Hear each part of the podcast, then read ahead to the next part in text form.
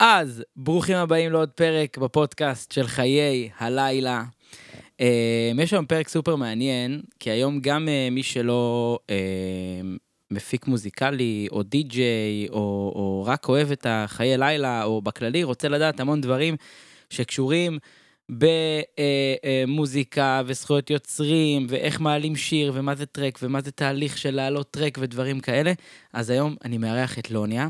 שבלי קשר לזה שהוא אה, די-ג'יי ומפיק, ועוד מעט גם אני אספר לכם את הקשר שלי עם לוניה, אה, הוא בנוסף גם טכנאי mix ו master, בנוסף לזה שהוא מפיק כמובן. הוא גם distributor של לייבל, אנחנו ככה אומרים distributor. הוא distributor של, אה, של אה, לייבלים, יש לו לייבל משלו. אה, ואנחנו נרוץ פה, חלק ראשון נדבר על לוניה, חלק שני נדבר על שאר הדברים שאני אמרתי. אז אנחנו נתחיל בפתיח, ונתחיל. גם זה יושב עליי, יש מצב שגם זה מהמם עליי, יש סיכוי שכל זה מדבר אליי, וזה גדל עליי, וזה יושב עליי בול. יושב עליי בול, כמה זה יושב עליי, יושב עליי, יושב עליי בול. אז מה קורה, לוניה? אהלן, מה קורה אחי? נעים מאוד, כיף שאתה פה. מה נעים מאוד. נעים מאוד, נעים, נעים מאוד כיף שאתה פה, נעים מאוד כיף שאתה פה. אז אני אספר לכם את הקשר עם לוניה. אה, אני, אה, כמו שאתם יודעים, אה, למדתי במכללת BPM, ואז אני כאני תמיד חייב מורים פרטיים, לא משנה מה, ואז בסוף של BPM, כזה לקראת הסוף, הגעתי לאחד המרצים שם, אמרתי לו, תקשיב, אני חייב מורה פרטי. מה אני עושה? אני חייב לחזק את עצמי עוד קצת. אז הוא אמר לי, תקשיב, יש לי חבר, קוראים לו לוניה, הוא מורה מדהים, מפיק מדהים, די.ג'יי מדהים, לך אליו. אמרתי, אוקיי. הגעתי ללוניה, אה, אה, מפיק אה, בתחילת דרכו, פעור, מה שנקרא, אה, מגיע, זה היה ממש שהתחלתי את, את העולם שלי ב, ב, באלקטרוני כזה לפני איזה שש שנים. יותר. הגעתי, יותר, שבע שנים. הגעתי לדירה של אלוניה בתל אביב, אה, השמעתי לו את, ה, את, ה, את הטרק הראשון שעשיתי, הוא אמר לי, תשמיע לי דברים שעשית, ואז הוא שואל אותי כזה, איך זה נשמע לך, מה שעשית? אמרתי לו, נשמע לי מגניב. אז הוא אמר לי, תקשיב, זה נשמע חרא. בוא... ומפה אמרתי, טוב, אני רוצה שהוא יהיה המורה שלי. אה, ככה אמרתי. ככה אמרת. אחד לאחד. אמרת לי, זה נשמע חרא. אז אמרתי, וואו, טוב, אני חייב עכשיו אה, ללמוד עם, אה, עם לוניה. ובאמת זה היה אה, בעיניי תהליך מדהים של כמה, של שנתיים שהייתי עם לוניה, ואז בדיוק חיפשתי לעבור לתל אביב. ולוני אמר לי, תשמע, אני עוזב את הדירה. אולי אתה תבוא לגור בדירה הזאת, אבל אמרתי לו, ומה עם האולפן? הוא אומר, האולפן נשאר. אתה תגור בחדר, יש לנו סלון משותף. אמרתי, יאללה, נשמע לי טוב. ואז במשך איזה שנה וחצי, אה, גרתי בדירה שיש לי חדר, עשיתי שם אולפן, ובאולפן, ו- והיה סלון, ואת האולפן של לוניה. עכשיו, זה היה נורא נחמד, אמרתי, בואנה, עד היום שילמתי לו כסף, היום אני פשוט בחדר, קורא לו, לוניה, בוא רגע. אבל זה היה נורא נחמד, קם בבוקר, מצחצח שיניים, ועל הדרך עובר באולפן, רואה מפיקים אה, מה- מהגדולים בתעשייה, יושבים, מתייעצים עם לוניה, עובדים עם לוניה, וזה היה נורא נחמד, וזה היה נורא מלמד, וזו הייתה תקופה אה, מדהימה, ולמדתי המון אה, מלוניה. אה, וכיף וחשוב שהבאתי אותך פה היום אה, לפרק, גם כדי לדבר אה, עליך ועל ה, על הסצנה, בוא נגיד שעדיין לא יצא לי לדבר עליה כאן, שזה כל אה, אווירת אה, חתול והכלב, וגם הז'אנר הזה של הפרוגרסיב. אה, כמובן, אנחנו לא מדברים ז'אנרים, אבל... למה אנחנו לא אה, מדברים ז'אנר? אה, כן, אבל אם הולכים. אם הולכים, אז כאילו, ממה שאני הכרתי זה כאילו ממש אה, אה, progressive, המוזיקה יותר, אה, אה, נקרא לזה, ממה שהיום יותר passion, טרקים יותר, אה, יותר עמוסים בגרובים והרבה חשיבה. אה, אז מה שלומך? מעולה, שמח להיות פה. סגירת בוא- מעגל קטנה סגירת. מעגל קטנה וטובה. אה, אז בוא נתחיל קצת... אה, תוכנית חיים שכאלה. משהו כזה. אז בוא הרבה מה נתחיל קצת, אז לנו. בוא נתחיל קצת, אה, מתי התחלת עם המוזיקה, איפה זה פגש אותך, מתי עברת לאלקטרוני, מתי עשית, כאילו, ספר קצת, תן, לנו סקירה עליך, על איך התחלת. אה, חושב שהתחלתי בתור אה, ילד קטן, ממש. אולי שלוש, ארבע. ברוסיה הרחוקה, במוסקבה. אמ, ההורים שלי היו מאוד, אה, אבא שלי היה חובב מוזיקה. עם מיליון תקליטים, אוסף, קונה, כל מה שאפשר היה לקנות, אתה יודע, זה, זה תקופה אחרת, ובכלל, אתה יודע. והיה לי, ואני, זהו, אני רק עם האוזניות, מגיל שלוש, ארבע, רק שומע מוזיקה ורק זה, והיה לי אסור אבל, למה אני זוכר את זה? כי היה אסור לי להפוך את התקליט. מותר היה לי להקשיב הכל, אפשר היה לי לאחורה קדימה, להזיז את המחט, אבל להפוך את התקליט, היה אסור לי. מאיזה סיבה? הוא חשב שאני אשבור את הפטיפון. אוקיי. ואז זה לא היה, אתה יודע, נשבר, יאללה, קונים חדש. זה, אתה יודע, חוסכים שנה בשביל לקנות פטיפון. וזה יצר אצלי איזשהו תסביך. אחר כך שנהייתי די-ג'יי והתחלתי להתאמן על אה, ויינלים ולנגן, ותמיד נשאר אצלי הפחד הזה הזה. והאיסור הזה של להפוך את התקליט. אז זה, זה החלק הזה. שעברנו לקומפקטים, למחשבים, ל-USB, פתאום הכל נהיה לי... מתי התחלת להיות די-ג'יי?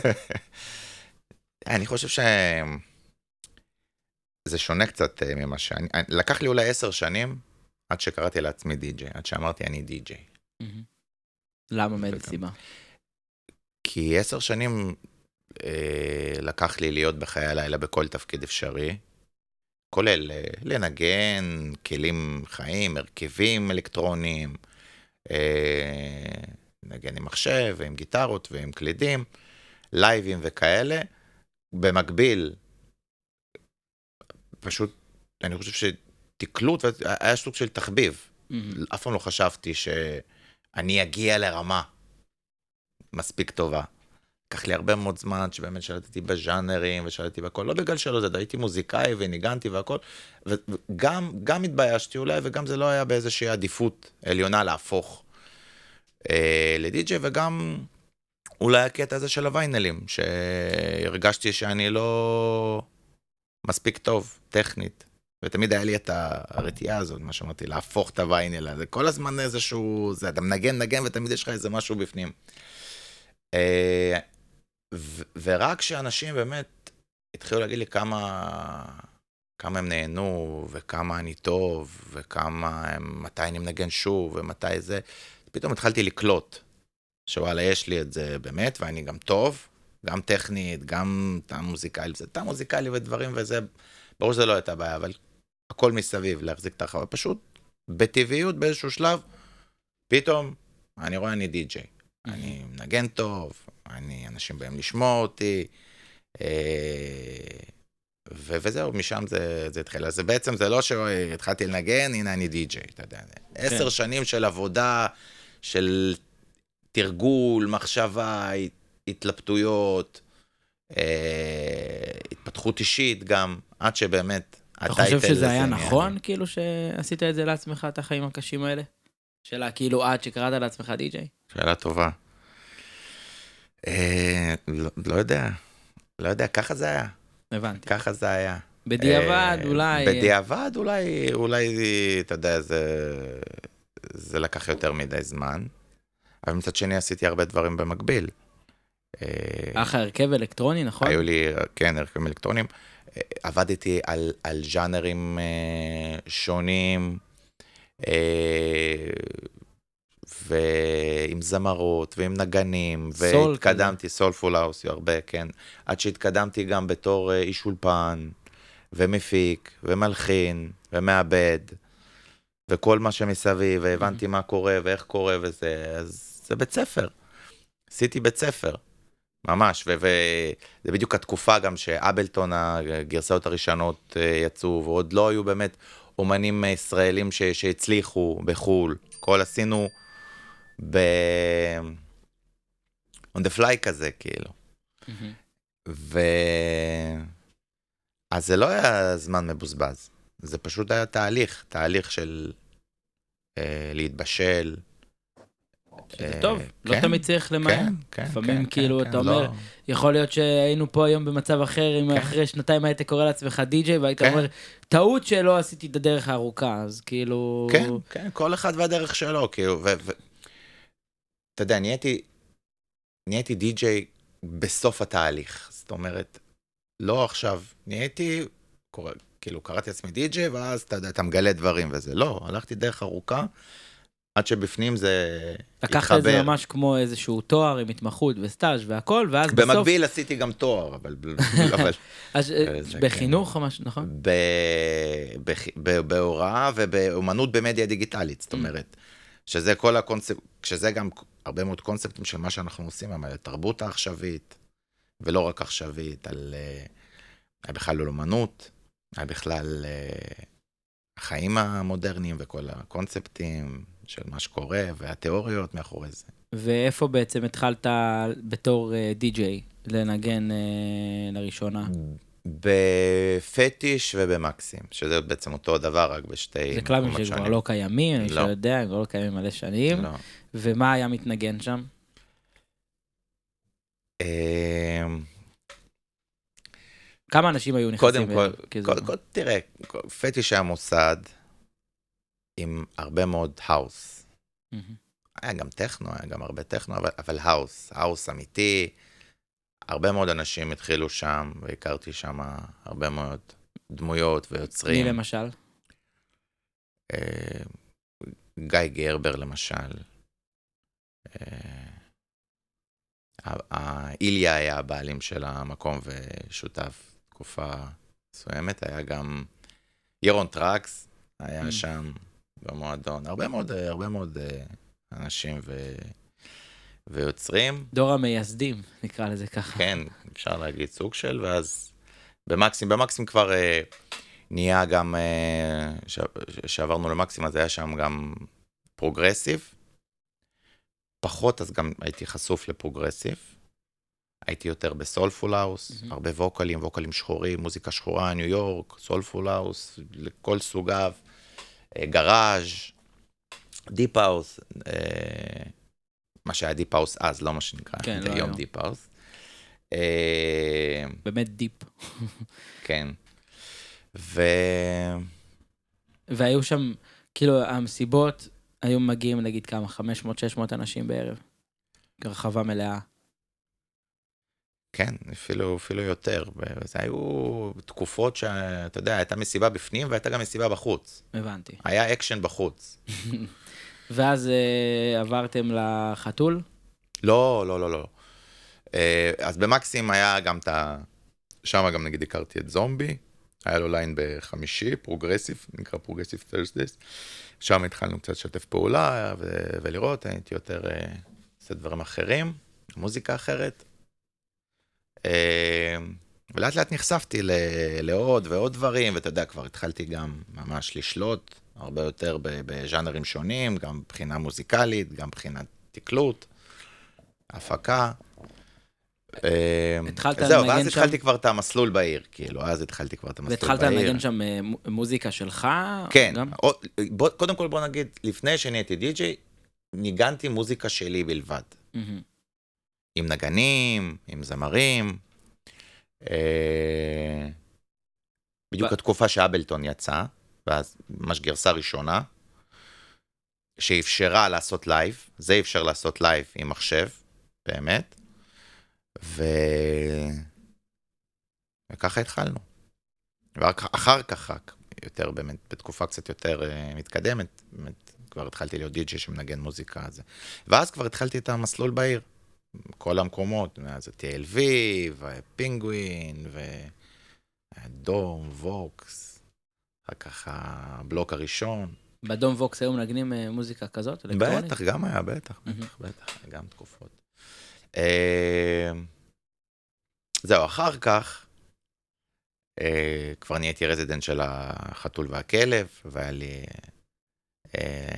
ליין שלישי סופש, עם אה, עוד שותפים, עוד אנשים בסצנה שם, ליין שהרצנו אותו איזה ארבע שנים עד שעזבתי. זהו, אחר כך, אתה היה יודע. חתיכת מוסד החתול. נקרא כן. לזה ככה. כן, עכשיו אנשים מאוד מתגעגעים לזה. זה נגמר לא טוב, אבל עכשיו אנשים כל כך מתגעגעים לזה. כי כך. זה היה תקופה שכאילו באמת היה מקום שהוא כאילו מאוד... אה, היה תקופה של קלאבים, זה עוד היה תקופה של קלאבים. והוא זה... גם היה מאוד club. קלאבים, כן, כן, שתי חיילים גדולים, היו הרבה קלאבים בעיר. הקלאבים. נפתחו, נסגרו, לא כמו היום, שאין לנו club גדול בעיר בעצם. היום כבר אחרי שהבלוק נסגר וכבר אין אפילו ברקפסט. עוד לפני שהוא נסגר הבלוק, הוא כבר הפסיק להיות הבלוק. הוא כבר, זה, זה כבר היה, אתה יודע. כן, זה, זה, זה... בוא נגיד אנחנו בתקופה אחרת, וזה ידוע, ותמיד אני גם מדבר על זה פה בפרקים, אה, וזה בסדר, אין מה לעשות. אה, ז'אנרים ו, ו, ודברים צריכים לעבור תהליכים אין מה לעשות, תמיד... ברור שמה לעשות, אנחנו לא שולטים בדברים האלה, העולם משתנה סביבנו, אנחנו משתנים, המוזיקה משתנה. מי היה אה, מאמין שיהיה לנו שנתיים וחצי של, של סגרים וקובידים? אתה יודע, יש לזה השלכות, זה לא סתם. ואיך תמיד היית, אה, הרי תוך כדי שהיית גם בחתול, לך המון רליסים, נכון? היית כן. משחרר מוזיקה אה, מקורית, כמובן, אה, שהגיעה באמת אה, למקומות אה, טובים במצעדים, ושיתופי פעולה אה, לא קטנים, עם חבר'ה גדולים בתעשייה. אה, איך באמת ניגשת להפקות, לדברים, ספר קצת את התהליך שלך בתור מפיק מוזיקלי, אחר כך גם החלטת לפתוח לייבל. אז, אז אתה יודע מה שאני חושב על זה, בעצם למעשה הייתי קודם כל מפיק מוזיקלי ואחר כך די-ג'יי. מהמם. כמובן שלא הייתי בתקופה הראשונה מפיק מוזיקלי כמו שאני היום מפיק או שאני הייתי, אז אתה יודע, זה היה מאוד בתולי ומתחיל. התחלתי מזה גם שלמדתי. כן.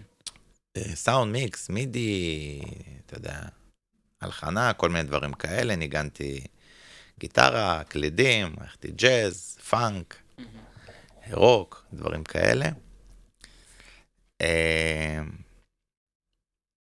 חושב ש... בהתחלה, בהתחלה פעלנו פה בארץ, גם מה שהוצאנו פה זה קידמנו לייבלים מקומיים, יצירה מקומית, אומנים אה, מקומיים, זה היה קשור מאוד למועדונים, זה הכל היה ביחד, מקשה אחת. אה, גם משהו שקצת חסר היום, בגישה הזאת, אבל בסדר. אה, וזהו, ואז התחלתי להחתים מוזיקה לאט לאט. אה, והתחלתי די טוב, הוצאתי בדיפקטד, אצל פיטונג, אה, היו לי הרבה חברים, שותפים, שגם, אתה יודע, בהתחלה התחילו. אה, התחילו איתי ביחד, או אפילו קצת אחריי, ולאט לאט אה, התחילו להתקדם ולתפוס שם בעולם, ואז זה נהיה מעניין בעצם. ש- אה, שהתרחבתם מיוחד. החוצה. כן, פתאום זה נהיה זה, ואז, אתה יודע, התחילה החשיפה, ואז, אתה יודע, להגיד בקצרה, זה סחף אותי לכל מיני, אתה יודע, דברים התחילו להשתנות ב... בסצנה, כן. כן. וגם בטעם המוזיקלי. והתחלתי לעבוד על uh, כמה ז'אנרים, לא לחשוב שאני צריך להיות צמוד לאיזה משהו אחד. אבל מסיבות כאלה ואחרות, דברים מסוימים נדבקו עליי. ו- ו- ו- והם כאילו תפסו תאוצה, ו- ו- ועל זה כאילו אני אולי יותר מאוחר, אולי אנשים פחות זוכרים את ה... אולי רק ממש הוותיקים, נגיד, את ה- את הסולפול ואת ה... כל הזמרים השחורים, עבדתי כמה שנים עם הקהילה של כושים עיוורים בדימונה, זה לא יפה להגיד. סליחה. זה, היברו ישראלית, כן, אז ממש הייתי בתוך הקהילה, גם ב... גם מוזיקלית למדתי מהם המון, גם בגישה למוזיקה, גם בכלל ל soul, לרגש, לגרוב, כל הדברים האלה. אז אולי אפילו פח, פחות עכשיו אנשים זוכרים את התקופה הזאת. ואחר כך, אתה יודע, זה נהיה house, וכל מיני גוונים של house, אה, progressive, deep, ואז עם melodic. ה progressive בעצם, כאילו עם כל הרליסים האלה, מוביל אותך גם לחו"ל. בעיקר אה, הסצנה של ה progressive מאוד חזקה בדרום אמריקה. ארגנטינה, ב- ברזיל, כאילו כן, בכל ב- העולם, בכל, אבל... בכל העולם, בכל אבל העולם, גם, בעיקר- ב, גם בהודו, ארצות הברית, גם ב... ב, ב אתה יודע, מקומות, סרי לנקה, אני לא יודע. כן, גם- סרי לנקה, אבל אירופה, כאילו רוסיה. ארגנטינה מרגיש לי כאילו שתמיד היה כזה כמו ה... כי פתאום. פתאום נהייתה תקופה שקודם כל הסאונד שלנו תפס שם. תפס שם, ו- ונהיינו ממש חברים טובים, ו- ו- ו- וגם אני באופן אישי חבר, ואתה יודע, שותף עם הדי.ג'י הכי גדול שם, ש... הרננו. שגם- שמרנן קטניו, שגם הבאתי אותו לארץ בזמנו, אני זוכר, התחלנו בפינגווין פעם ראשונה. ו... אה, וזהו, ואז כאילו פשוט נחשפנו לזה, ואנשים שם התאהבו באומנים כמו, אתה יודע, כמוך, ג'יי, כמו גיא ג'יי, כן, כמו מנצור. מנצור חן וצ'יקולה. כן, זה אולי שלב ו- יותר מאוחר קצת, אבל בהתחלה כן, זה, ו- ו- וזהו, פשוט התחלנו, ל- אתה יודע, ל- התחלנו להגיע לשם המון, ו- ו- ו- ו- ולנגן, ו- ו- וגיגים מטורפים, קהל מטורף, שאתה לא, אתה, לא, אין הרבה מקומות בעולם שאתה באמת, אה, שזה רייבים. כן, ממש. מתחב, עם, עם קהל כזה אתה מגיע, ו- ואתה יודע, אלף איש מחכים לך, אשכרה מחכים לך עם, אתה יודע, כי המוזיקה הזאת היא גם מאוד רייבית. יכול להיות, אה, אה, אה, היא מאוד אמוציונלית. וה groove, וה groove וה, והמלודיות. שלה מדברות, לה, זה ההיפנוטיות שלה, זה פשוט תפור על מה שקורה שם. זה מאוד סוחף, כאילו יש לך כן. פתאום איזה break עם איזה ניגון, עם איזה מלודיה סוחפת ונויזים וגרוב וכאילו, ו... והכל מתפוצץ לא לאיזה drop של kick bass, הכל מתפוצץ פתאום ביחד בסוף כזה עם המלודיה והגרוב והכל ביחד זה כזה, זה מאוד, אה, המון, המון רגש, המון רגש והמון, אתה יודע, מצד אחד כוח ומצד אחד צלילות. הרבה אופי, נקרא לזה ככה. כן. מוזיקה כן, עם גם, אופי. כן.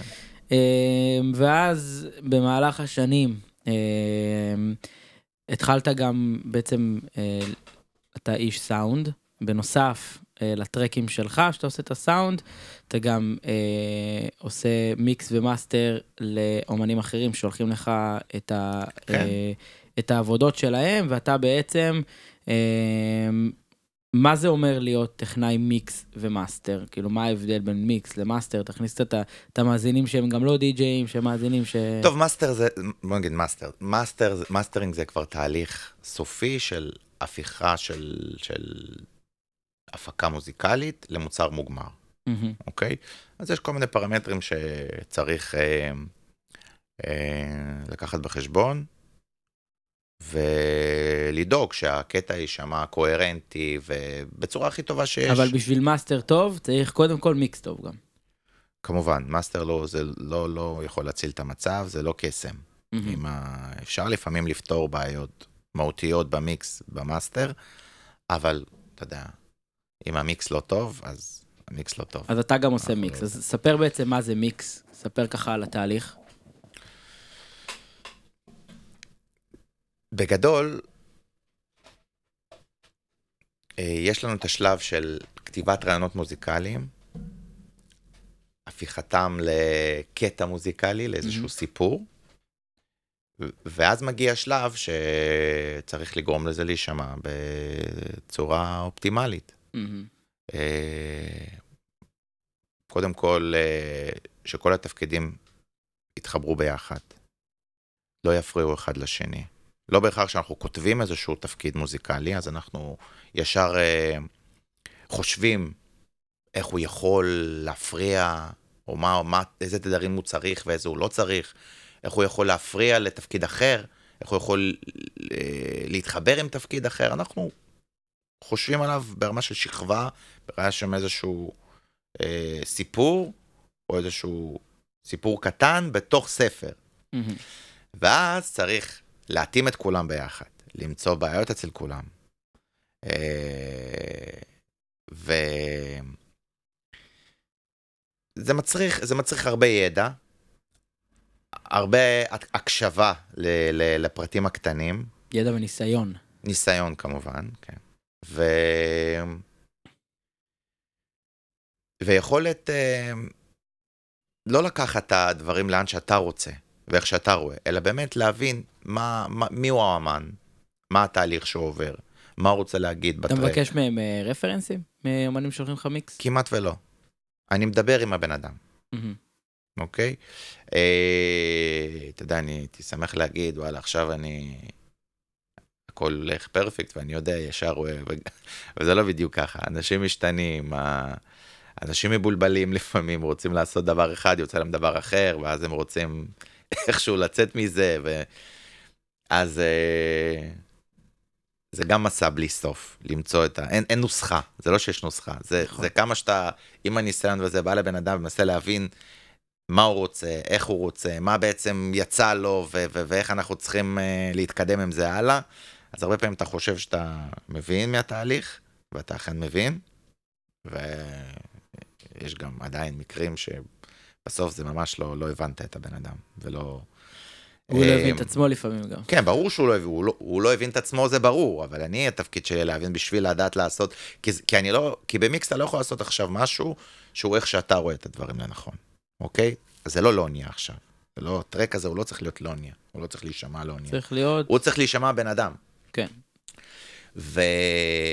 ואתה צריך לדאוג שהוא לא רק יישמע טוב, הוא יישמע נכון למה שהוא התכוון, או למה שהוא רצה להביע, או לאן הוא רצה להגיע בכלל, ב- ב- ב- ב- בתהליך שלו, אה, ב- בקריירה, או ב- ב- ב- איפה שהוא מתכוונן להיות. אני אפשט את זה רגע גם שכולם יבינו. אני מדבר מסובך? כאילו? לא, לא, לא, לא, ממש לא, אני פשוט, המאזינים שלי גם אוהבים לשמוע אותי מפשט אה, את הדברים. סליחה. ברור. אבל לא, אבל באמת, כאילו, זה, תחשבו על שבן אדם עכשיו אה, עושה טרק מסוים, והוא פשוט אה, לא רוצה להתעסק בתהליך של, אה, של הסאונד הסופי, נקרא לזה ככה. הוא בא, שם קיק, שם בס, עושה תפקידים, שם גרוב, בסוף הכל נשמע אחלה, סבבה, אבל זה לא, זה לא יישמע טוב, לא בסוף, לא במערכות, זה לא יישמע טוב בהתאם, או ברפרנס ל, ל, לקטעים מסוימים. לפעמים הוא גם כותב תפקידים, וזה הרבה קורה, שלא צריך בכלל.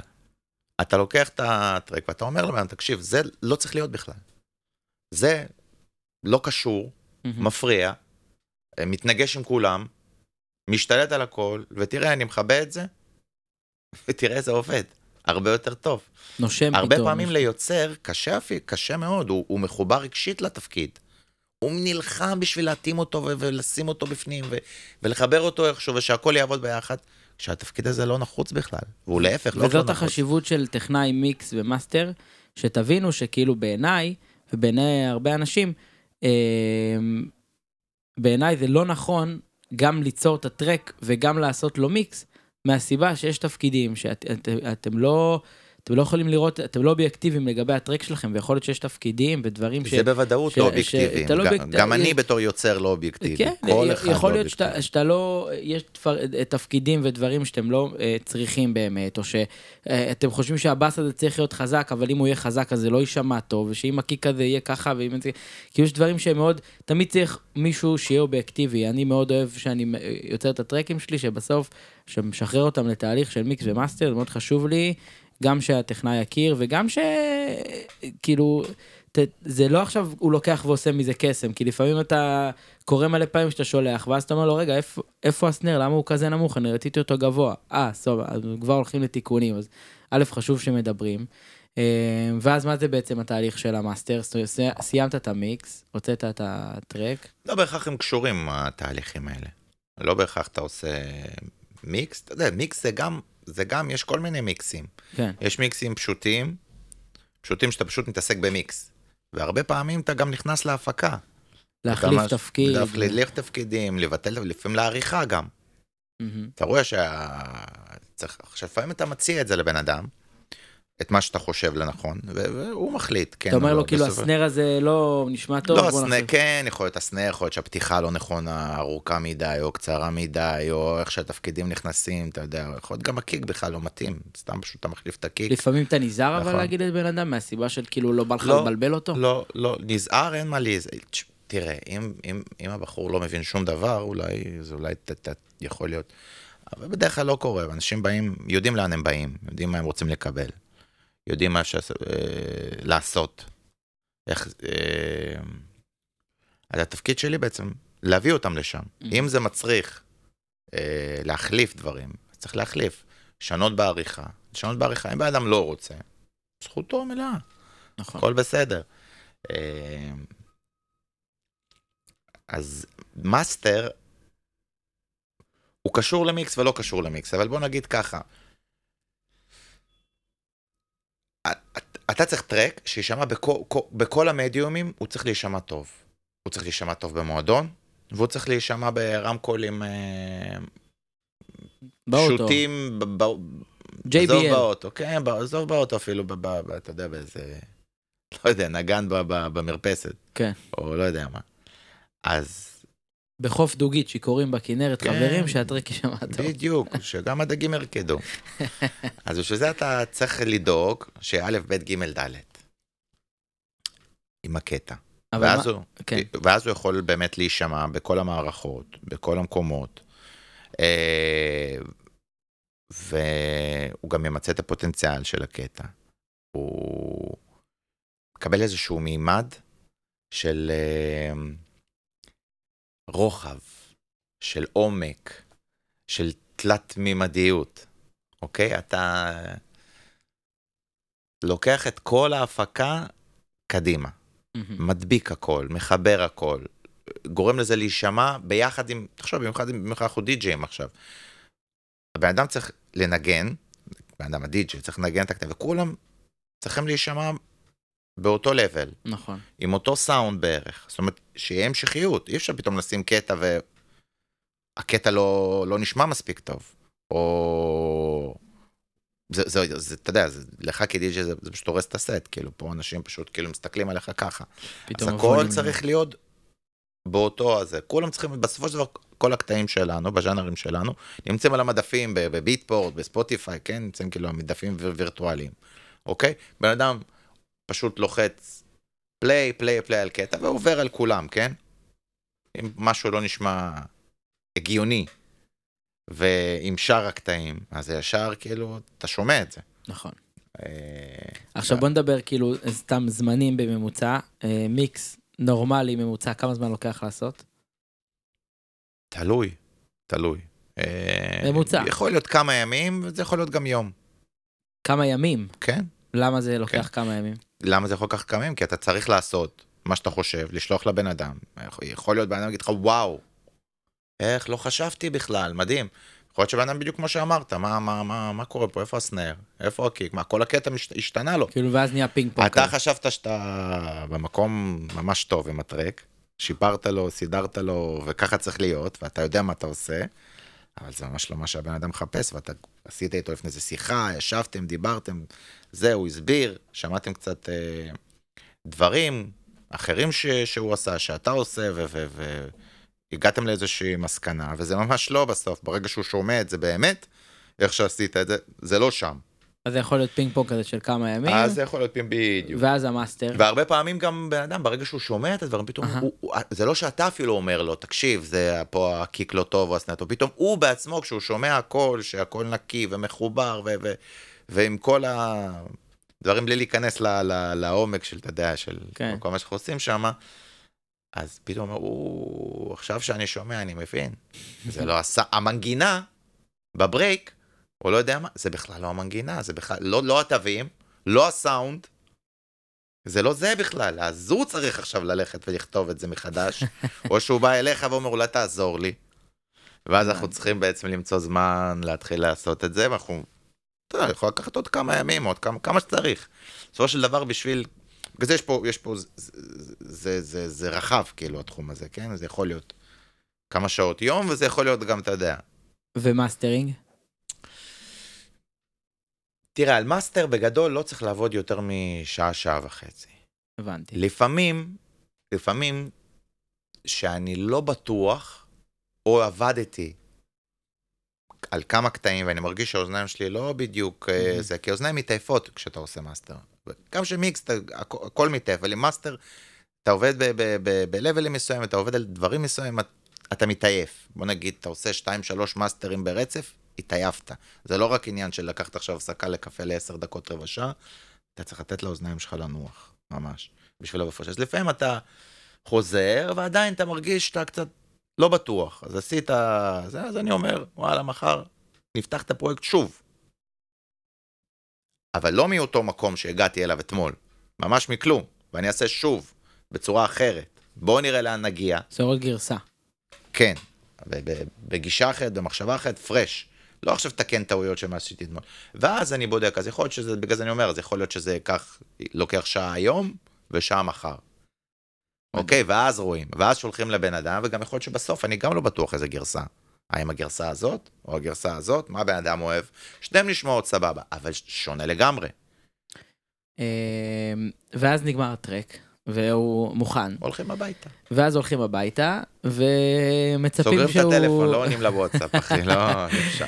ואז אה, בעצם הבן אדם רוצה עכשיו להפיץ את הטרק. בוא נדבר שנייה אבל רגע. לפני זה אני בדרך כלל אומר לבן אדם בוא תב- תבחן את הטרק אם אין לחץ. נגן אותו בהרחבה. תקן אותו קצת שמע אותו במערכות תראה זה בוא בוא נראה מה קורה. כן, אפילו לפני גם מיקס? לפעמים גם. תראה לפי מיקס. לפ- לא, אחרי מיקס נגיד עם לימיטר, כאילו, כן, שיהיה בווליום זה, טוב. אבל זה אתה יכול לבדוק באמת את, ה, את. העריכה והמבנה המוזיקלי ואת התפקידים, איך זה, אתה לא יכול באמת להגיד, אוקיי, הקיק כן, פה אתה מספיק אחרי טוב, אתה וזה, מדבר כן, כאילו על הסאונד, כאילו, כן, מבחינת אבל, הסאונד. אבל אתה יכול כן להרגיש אה, במועדון איך, איך הסיפור קורה. כן. אם הכל סבבה בסיפור, אולי אתה פתאום מרגיש שהעריכה צריכה להיות קצת שונה, דוגמה, אה, break יותר ארוך, יותר קצר, פתאום אתה מבין שחסר לך תפקיד פה, זה מש... או פתאום דווקא אתה מבין להפך, הרבה פעמים דווקא הפוך. יש לך יותר מדי תפקידים, אתה אומר, מה, זה פתאום אני לא שומע את התפקיד הזה באולפן. היה מדהים וחשבתי על זה, וההוא, מו- וההוא בכלל אה, מלווה שם במתחת. פתאום אתה שומע את זה במועדון, מה, איזה מלווה. זה התפקיד הראשי, ומה שחשבתי הראשי הוא שם בכל ששומעים אותו. אתה מבין? אז אתה מתחיל אה, קצת... בגלל זה אני אומר תמיד, בואו, גם כשמקבלים את המאסטר, תבדקו אותו, תנגנו אותו, אחר כך אה, נראה מה צריך לעשות, אם צריך לחזור חזרה למיקס, או להפקה, או לתקן או למאסטר. בגלל שהמאסטר טוב, אתה לא אוהב את זה ככה, אתה רואה את זה אחרת. אתה מנגן מוזיקה אחרת. ואז אה, אה, נדלג, כי אנחנו לא... הלוואי ויכולתי לעשות פה פרק ככה על מיקס ומאסטר. פעם הבאה. פעם הבאה, לגמרי. בטוח שתהיה דרישה, גם אם תהיה דרישה, תכתבו לי בפרטי. אז, ואז באמת עוברים להפצה. עכשיו, לייבלים מקבלים, כבר דיברנו כבר על אה, איך לשלוח ללייבל ואיך מקובל. עכשיו, בתור אה, אה, אה, הפצה, אתה בעצם מפיץ גם ללייבל שלך וגם לעוד לייבלים. אה, עכשיו, מה זה אומר? אתה מקבל אה, מהלייבל מסוים, החליט אז שהוא רגע, אז רוצה לא, אתה להחתים. רוצה, אני, אני, אני בשתי מילים מספר איך, את התחום הזה שאני עושה, של, אה, של אה, הפצה הפצה, ו- ודברים הפצת האלה. מוזיקה למדיה. סבבה. אה, אז אני, אני באופן אישי, מה אני עושה? אני עושה, מספק שירותי הפצה וניהול למספר לייבלים, מהמם. בארץ ובחו"ל, אה, חוץ מהלייבלים שלי. אוקיי? אה, התחלתי גם לפני הרבה מאוד שנים מזה שהיה לי שותף שרצה בכלל שנעשה דברים ביחד, מישהו מאוד אה, רציני בחו"ל, ואז אה, כשהתחלנו, הבחור פרש, ונשארתי עם ה... בחור שלי לשנות, אה, לא להתעסק בנדל"ן או משהו, לא, לא יודע מה. מה קרה לו, ואני נשארתי עם כל הכלים, שזה אה, ממש מערכות הפצה, כאילו. ואז אה, הייתי צריך ללמוד גם איך... איך אני עושה? תמיד היה לנו חלום לפתוח לייבלים, פתחנו לייבלים, התחלנו לעבוד עם הלייבלים שלנו, ולאט לאט זה, זה תפס והתפתח. והתחלתי גם לעזור וגם לייעץ וגם אה, לחבר אנשים לכל מיני דברים. ואז אה, אנשים מסוימים אה, בתעשייה אמרו לי, אתה יכול בבקשה לפתוח לנו לייבל, לנהל לנו לייבל, לדאוג לנו ללייבל, כל מה שצריך. אז כאילו נכנסתי לזה, ואז ככה אני מתגלגל. עם השנים, זאת אומרת, אה, גם הלייבלים שלי, שגם, אתה יודע, חלק אה, נסגרו, חלק אה, נמכרו, חלק, אה, אתה יודע, עשו את הטיולים שלהם מהמם. ב- ביקום, ו... ו... ועכשיו אני פשוט, חלק מהלייבלים, לא שלי, אני מפיץ, רק מפיץ. זאת אומרת, אני דואג לזה שהם יהיו ב... ב... בכל החנויות. הרליסטים ימצאו את הפוטנציאל שלהם, יגיעו למקומות הנכונים, יקבלו את החשיפה, דואג ל promotion, אה, דואג לכל, קודם כל, מכין את המוצר המוגמר, אוקיי? מזה שיש קטעים, ב, ב, אתה יודע, בפורמט כזה או אחר, התחלתי, סופי וזה, אורזים את זה ל... ל package. וזה אמור להגיע לאן שזה אמור להגיע, שזה החנויות, פלטפורמות סטרימינג, Beatport, Spotify, Apple Music. כל, אה, מקום, כן, ובאמת יעשה שם revenue, זאת אומרת, בסופו של דבר יביא כסף. עכשיו שאלה, היום מפיק שמסיים עכשיו איזשהו שתי טרקים, יכול לעשות את זה EP ולשחרר את זה ככה על דעת עצמו, בלי שום לייבל? כן, גם יכול לעשות יכול ככה. לשלוח אליך, לא נראה, אני רוצה את זה ב Spotify, Apple Music ו Beatport, בלי לייבל. לא, זה הוא לא יכול לעשות. אז מה הוא יכול לעשות? זה אי אפשר לעשות. תראה, יש, יש פלטפורמות שמאפשרות כרגע להוציא מוזיקה בלי שזה, אתה יודע, החתמת באיזשהו לייבל. תשלם להם כסף, הם כאילו לייבל. והם הם לא בדיוק לייבל, הם פשוט מאפשרים לשים את זה בפלטפורמות תחת המותג שלהם. אוקיי. כאילו שאתה נראה independent, אבל תכלס... זה דרך ה- כן. כן. תראה, זה כבר שיחה נפרדת, למה צריך להחתים מוזיקה? למה צריך לשחרר מוזיקה? מה... למה, למה זה נחוץ בכלל, כן? אז למה צריך בכלל בלייבלים להוציא ולא סתם בעצמך? עכשיו, איך הולך הזכויות יוצרים? זאת אומרת, שחררתי. מי נוגס לי מכל הכסף? כולם, מי זה כולם? כל מי שבדרך. וכל מי שבסוף השרשרת. נגיד אה, ביטפורט, מכרתי, מי לוקח לי מזה? הלייבל לוקח, כמה אחוזים לוקח לוקח. ביטפורט, נגיד? ביטפורט לוקח 50% מה... מעלות הטרק, מהמם. זאת אומרת, מכרתי ב-200 דולר, ביטפורט לקחו 100, כן. ואז נשאר לי 100. ואז אני מחליט, ואז מי אתה, שאתה אומר נשאר לך? אם אתה לייבל? אני האומן. לא, איך כמה נשאר לי? מה, מה עם הלייבל? כמה הלייבל לוקח? כמה שסגרתי איתו? כמה שסגרת איתו, זה. יכול להיות. בדרך כלל, בדרך כלל לייבל לוקח 50 אחוז. והוא חייב לכסות את ההוצאות שלו. אוקיי. אז הלייבל קודם כל מכסה את ההוצאות בדרך כלל. הוא השקיע לך ב... כאילו אמר לי גרפיקה, שצריך. זה, זה עלה לי 100 דולר. גרפיקה, מאסטרינג, כל, כל מה שצריך. זה עולה כסף. אז Mhm. קודם כל, מכסים את ההוצאות, ואז, יכול להיות שאתה עובד גם אחרת. אתה אומן קצת יותר, אתה לייבל משלם לך כסף, וזהו. חוץ מזה, אין לך כבר מושג מה קורה. כן, מהמכירות, אתה לא תראה שקל. כן. אני קיבלת חושב את שהיום, הסכום? אה, היום הרוב אה, עושים מוזיקה אה, כדי שהיא תתפרסם, ואז השם שלהם יתפרסם, ואז כן, יקבלו גיגים. ואז, אבל אז זכויות יוצרים כבר, וכל הדברים האלה, מה שדיברנו עכשיו זה לא זכויות יוצרים, זה מכירות. זה מכירות. זכויות יוצרים ו publishing, זה כבר תחום אחר. זאת אומרת, אה, הוא לא, אה, הוא, הוא, זכויות יוצרים מדובר וזה, עם... וזה מאוד מורכב לספר על אקו"ם, על mechanical rights, ועל כן, זה, publishing. זה כאילו זכויות יוצרים, זה שיחה, במ- במידה ועכשיו לקחו את הטרק. שלך לאיזה סרט, לא, לא, לא, לא רק, לא, ממש, ממש רדיו, לא, ממש לא, ממש. publishing אה. טוב, צריך אה, פשוט לעשות scanning מהמם. על, על הכל, כל הזמן. איפה הטרק, המדינה- מה הוא עושה? איפה הוא ניגן, איפה ניגנו אותו, מי ניגן אותו, ואז הוא יודע לאסוף מפה, בסתם דוגמה, אני יודע, בבוליביה, בחודש האחרון נוגן פה, אה, עשה 0.003 סנט, אוקיי? בסדר. מפה 0.03, שם. בסוף, קורה, סכ- יש סכום. בסוף יש איזה שתי דולר. לא, בסוף יש, תלוי כן. מאיזה אומן אתה, זה יכול להיות כן. לא שתי דולר, זה יכול להיות... אלפי אה, דולרים. כמה, כן, אלפי דולרים. עכשיו, זה, זה גם יכול להיות בתקופה, בתקו, סתם דוגמה, יש לי איזה קטע לא מזמן, שבכלל קטע השתחרר לפני חמש-שש שנים. פתאום עכשיו הוא נכנס לאיזה משהו וזה, אין, לך יכולת לדעת, זה בקונגו.